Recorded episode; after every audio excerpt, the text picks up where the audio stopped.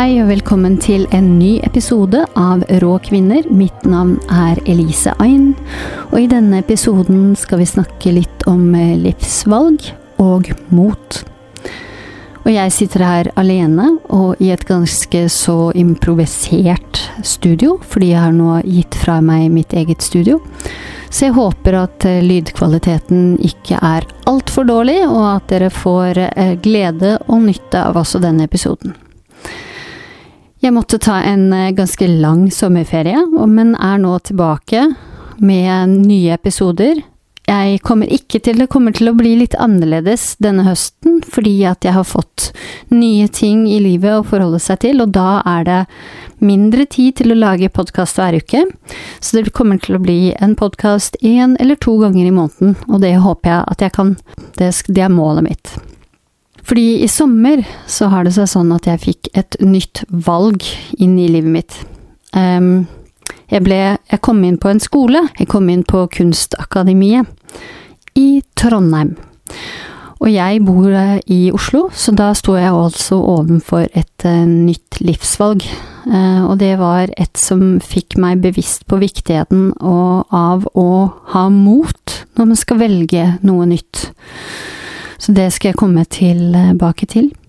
Men uh, først skal jeg spole tilbake til uh, det som kommer før dette. Til alle mine ulike livsvalg. Fordi at jeg har valgt mange ulike ting i løpet av mitt nå 37 år gamle liv. Det starta vel med at jeg ville bli skribent eller forfatter da jeg var 14. Og mamma sa at da burde jeg jo velge journalistikk, for da fikk jeg lov til å skrive både på jobben og, og privaten, og jeg fikk lov til å tjene penger på det jeg skrev. Og da ønska jeg å bli journalist, særlig kulturjournalist, sånn at jeg kunne uh, skrive om det som også opptok meg mest, og det var uh, musikk, blant annet. Men som 19-åring eh, så kom jeg aldri inn på bachelorgraden i eh, journalistikk, så da valgte jeg heller en bachelorgrad i musikkvitenskap for å kunne dra nytte av det inn i journalistikken. Og med et påbygningsår som eh, videojournalist, så fikk jeg innpass. Jeg fikk en fast jobb som videojournalist, og det holdt jeg på med i mange år. Journalistikken, altså. Men gradvis så kom jeg inn i det å skrive mer poesi. Og da starta jeg med mine egne prosjekter og skrev, og jeg gjorde også journalistikk som gikk litt utenfor den vanlige boksen. Jeg gjorde dokumentarprosjekt, og jeg lagde en dokumentarfilm, og jeg skrev poesi. Så sakte, men sikkert så begynte min livsvei, eller min drøm, å gå fra å ønske å gjøre journalistikk til å gjøre mer og mer fri kunst. Så jeg starta på Oslo Fotokunstskole. Og i denne kunstverden så er det også sånn at det er en sterk fordel å ha gått på Kunstakademiet, så jeg har forsøkt å få det til over lengre tid, og så kom jeg endelig inn. Og jeg kunne kjenne på magefølelsen allerede etter å ha søkt, at jeg kommer til å komme inn. Så den dagen i juli da jeg fikk vite det, så var det kanskje ikke noe stor overraskelse, men det satte likevel i gang en enorm prosess inni meg. Og jeg signerte, måtte signere kontrakt på ny bolig. Jeg spurte meg selv sånn, hvem andre skal gå studiet, og vil jeg trives, og blir det for eh, hektisk med det jeg prøver å få til av podkast, og, og ikke minst jeg har kjæreste og familie og, og hans sine barn i Oslo. Vil jeg få til å pendle mellom oss? Og hvordan blir situasjonen etter studiene? Blir det lettere å være kunstner da? Og alle disse spørsmålene har jeg nå sittet med i en hel sommer, og da er det kanskje ikke så rart heller at jeg bare måtte ta meg fri og ferie for å la den prosessen gå sin gang. Og det vanskeligste i det hele var nok den uh, enorme prosessen med å si uh, ha det til en kjæreste som jeg har bodd i sammen med i to år, og skulle flytte et annet sted. Uh, for det innebar en helt annen hverdag, en helt ny hverdag. Hvor jeg ikke får lov til å se kjæresten min på daglig basis, og må pendle imellom. Og da dukker det opp spørsmål som eh, hvordan vil vi begge føle det på hver vår kant, hvor ofte bør vi se hverandre, eh, hvordan skal vi organisere hverdagen vår for å fortsatt kunne ha kontakt eh, virtuelt, eller gjennom Facebook, eh, video osv. Og, og hvordan skal vi takle hvis en av oss føler oss ensomme? Og hva kan vi møte, gjøre for å møte hverandre? Eh, så det er ganske store spørsmål. Eh, jeg må innrømme at vi begge følte på en veldig sterk usikkerhet om dette var det riktige valget eller ikke, og jeg kjente på at jeg går det nå imot å velge en ny hverdag som kompromitterer kjærligheten, eller vil det kunne gå hånd i hånd? Alt dette er selvfølgelig i en prosess som fortsetter å gå. Det er jo ikke sånn at eh, vi har funnet en løsning på 1, 2, 3. Men jeg tror at vi har lært av denne prosessen som vi har stått i, at vi er nødt til å kommunisere. Vi kan ikke gjemme unna følelsene våre for hverandre. Vi er nødt til å si fra når er det jeg trenger det jeg trenger, og, og, når må jeg ta hensyn til det du trenger? Vi må hele tiden være litt mer på ballen på hvordan vi skal eh, At vi må være rett og slett uh, helt rå og helt åpne mot hverandre. Da jeg begynte på denne podkasten, så satt jeg inn i en ny leilighet i Trondheim som jeg hadde fått, um, og jeg visste ikke hvordan skoledagen skulle se ut, og jeg hadde veldig lite ting på plass. To dager senere så befinner jeg meg i Oslo, fordi jeg hadde planlagt en danseworkshop og filmarbeid sammen med to dansekunstnere. Den ble avlyst i siste øyeblikk, og nå sitter jeg her i karantene i Oslo. Fordi en person på studiet eh, fikk påvist korona, og nå er vi her. Og det er sånn det er i disse koronadager, det kan du si, men sånn er det også generelt i livet. Man vet ikke. Man vet aldri helt hva man begir seg ut på. Man kan ha valgt den mest strømlinjeformede veien å gå, og likevel så kommer livet til å skje, og ta det med til nye ting hele tiden. Og siden jeg har studert før, jeg har flytta ganske mange ganger, skal vi se I, i løpet av 20-årene så hadde jeg ikke bodd et sted i mer enn to år. Tror at eh, min slutt på livet i Trondheim var det lengste jeg hadde bodd noen steder siden jeg hadde flytta hjemmefra, og der i Trondheim så bodde jeg fire år. Her om dagen så snakka jeg med Jannike Strand, eh, eier av Bivåga, som jeg også intervjua for et par episoder siden. Og hun kunne fortelle at hun skulle starte på et eh, nytt studie i osteopati. Og eh, da snakka vi litt om det at studiehverdagen er ganske så uoversiktlig. Du legger egentlig, og særlig kanskje i begynnelsen av et studie, når vi som nye studenter ikke vet noen ting om det som skal skje, og vi er egentlig i hendene på de som organiserer studiet. Og eh, det kan jo være veldig forskjellig fra skole til skole hvor velorganisert og velinformerende det studiet er. Og da må man bare rett og slett eh, legge fra seg alle sine kontrollbehov, og akseptere at eh, ting kommer på plass når de kommer på plass, og være litt eh, fleksibel. Og det tror jeg er en holdning som både jeg og Jannicke har Ja, vi har hatt nytte av å gjøre yoga begge to. Lære oss tilstedeværelse i i øyeblikket og kjenne på at uh, akkurat nå så er det fint der jeg er, og hvis ikke det er fint der man er, så bare så gjør man de tiltakene man kan gjøre for å få det bedre. Så, um, og så tror jeg også at uh, som kunststudent så vil jeg jo, eller som kunstner, så vil jeg selv være i, en, i et liv, helt liv, av usikkerhet. Av hva skal jeg gjøre neste måned, hva skal jeg gjøre i morgen? Eh, det er ikke noen lagt opp eh, plan. Og jeg kjenner at eh, kanskje det er egentlig sånn jeg foretrekker å leve. At jeg foretrekker at det er bevegelse hele tiden, og at den største gaven jeg kan få, det er å oppleve hele livets fasetter, da.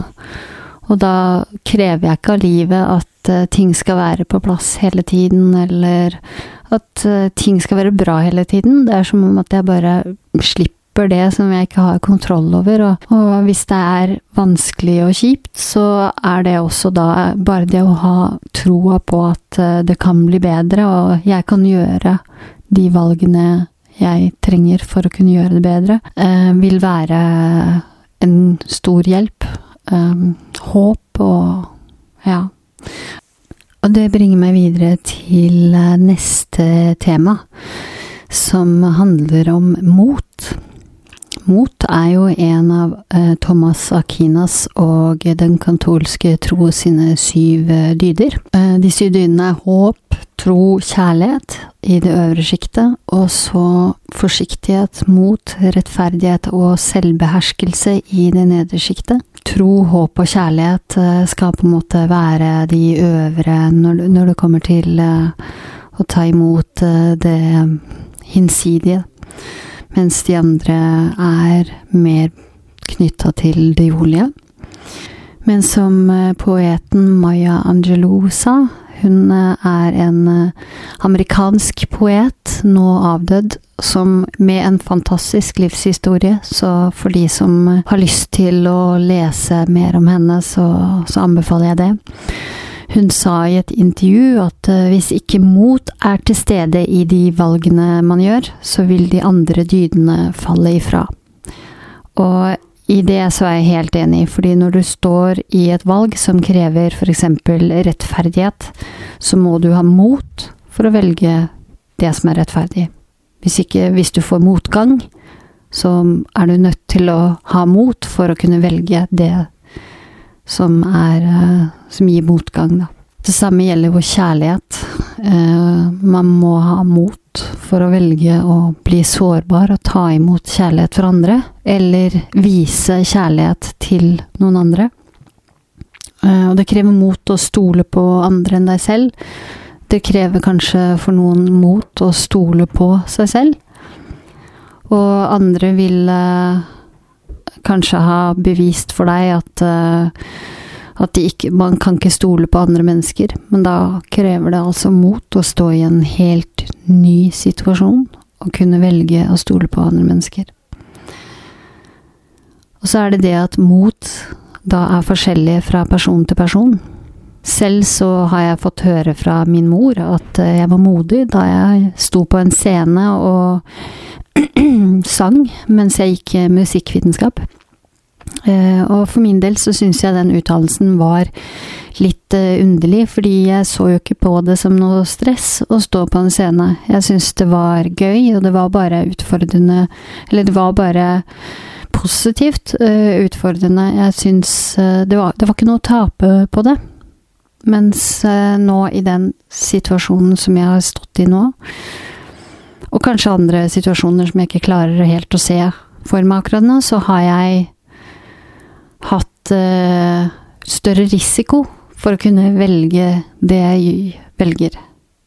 Det krever mot uh, når man vet hva som er rett for en selv, eller rett for andre, og man likevel risikerer noe ved å gjøre det. Nå så har jeg stått i en situasjon hvor jeg føler at jeg har hatt noe å tape. Jeg har hatt eh, usikkerheter knytta til et nytt valg. Jeg kjenner på meg selv, jeg vet hva som er rett for meg, eh, men eh, likevel følt på at eh, hva om jeg tar feil? Hva om det ikke viser seg å være noe bra? Hva om jeg gir opp et liv uh, til fordel for noe annet, noe ukjent. Det nye livet og livsvalget krever mot. I sommer forelska jeg meg i en statue som kalles Dilemma, av Elmgren og Dragseth, som står i Ekebergparken. Og det var første gangen jeg hadde sett eh, denne skulpturen, selv om jeg har vært i Ekebergparken før. Men den traff meg jo på helt uh, riktig tidspunkt. For uh, mange meter uh, høyt opp i lufta, på et stupetårn, så står det en liten gutt. Av kroppsspråket så kan vi jo se at han er engstelig og kvier seg, og ser ut i høyden. Han tenker vel skal jeg hoppe, eller skal jeg la være? Skal jeg gå tilbake der det er trygt, eller skal jeg ta sats? Og det traff meg på helt riktig tidspunkt, fordi å ta et slikt livsvalg føltes ut som å hoppe ut i det ukjente. Og jeg tok et bilde av gutten, og jeg følte vel at eh, her på det bildet så, så er det en sky eh, i i horisonten, som på en måte gir en overgang mellom himmelen og det blå, ukjente og stupebrettet. Og jeg følte at hvis gutten bare kan få lov til å gå ut på den skya, så vil det kanskje være en mykere overgang fra det å hoppe til det å stå igjen på klatre ned. Sånn er det jo at eh, man har tatt mange livsvalg um, fra jeg starta med skole, egentlig. Jeg har tatt livsvalget på journalistikk. Jeg ønska å bli journalist, og så ville jeg jo ikke bli det lenger. og gjorde nye livsvalg. Så er det jo også andre typer valg i livet sitt. Andre mindre ubetydelige. Kanskje man ser på det som ubetydelig i den første omgangen. Og de valgene kan ta deg med til en større forandring enn du aner. Eh, eksempelvis lærte jeg meg yoga, og eh, året etter så åpna jeg opp mer for meditasjon. Da var jeg på meditasjonskurs. Noen år senere etter det så kjente jeg på at eh, da var jeg moden for å kunne gå inn i en esoterisk orden. Jobbe med ritualer og, mer åndelige, andre åndelige praksiser. Og det igjen førte meg til mitt eh, livs store kjærlighet, meg selv, og kjæresten, og de menneskene jeg har i livet akkurat nå. Så jeg tenker på tilbake og i tid, så er det ikke alltid sånn at eh, de store livsvalgene alltid føles ut som et stort hopp. Det kan også være myke skritt og lande på en sky. Jeg håper at uh, den nye studiehverdagen min vil være litt som en sky, og at uh, den nye pendlerhverdagen også vil føles mer givende enn de vil ta, og at uh, jeg tror jeg kommer til å få møte veldig mange nye, og spennende mennesker på det studiet jeg skal starte på. Um, Podkasten kommer fortsatt til å bare vokse ut ifra det. Så jeg tror at um, jeg kommer til å ta med meg også mer i fremtiden hva kunst kan handle om, hvordan vi kan ta inn kunst og lære av kunst. Jeg føler at jeg har eh, allerede starta på en eh, helt ny vei som ikke den, Denne veien har ikke noe rett eller galt, føler jeg. Jeg har tenkt gjennom dette med hvorfor er det kunst jeg ønsker å velge, og så mange ganger i journalistikken, og så mange ganger i, i sosiale medier, og alt det vi bruker og konsumerer til daglig, så er det sånn at eh, det skal helst være så enkelt som mulig, fordi det går raskt, og du skal ta deg opp fort. De presenterer gjerne et litt sånn svart-hvitt svar. Og der føler jeg at eh, kunsten gjør det omvendte. Jeg skal være helt ærlig og si at jeg har, har forandra meg i løpet av de siste fire åra, fordi for fire år siden så følte jeg vel at jeg hadde funnet uh, ett svar, um, og dette skal være gjeldende for alle andre, og denne måten å gjøre ting på er den riktigste å gjøre. Eh, mens de siste fire åra så har jeg fått et mye mer nyansert menneskesyn. Jeg tror at alle har hver sin vei, hver sin måte å cope med ting på. Og um, kanskje er det nettopp gjennom kunsten for mange at uh, de kan stille seg helt sånn åpne spørsmål. Det er ingenting som skal bli pressa ned på, over deg, på huet over deg, og det er ingen som kan komme og gi deg en eh, klarlagt plan over ditt liv, eller hvordan du skal velge dine valg. Og um, det er det jeg ønsker å bringe med meg inn i fremtiden. Så jeg håper at du også tør å ta de vanskelige valgene, har mot i den situasjonen du står i. Tør å gjøre det som kanskje skremmer deg også. Ta imot Ta imot fra andre, og jeg ønsker deg alt godt. I neste episode så har jeg intervjua Kiki Sheri. Hun er en bulesk danser, bosatt i Oslo, kommer fra Sverige. Og det blir spennende å høre hvordan eh, Bulesk har fatta hennes interesse. Hva er det som gjør at hun eh, lever ut sin seksualitet og sin, sitt uttrykk i ei bulesk verden. Så følg med.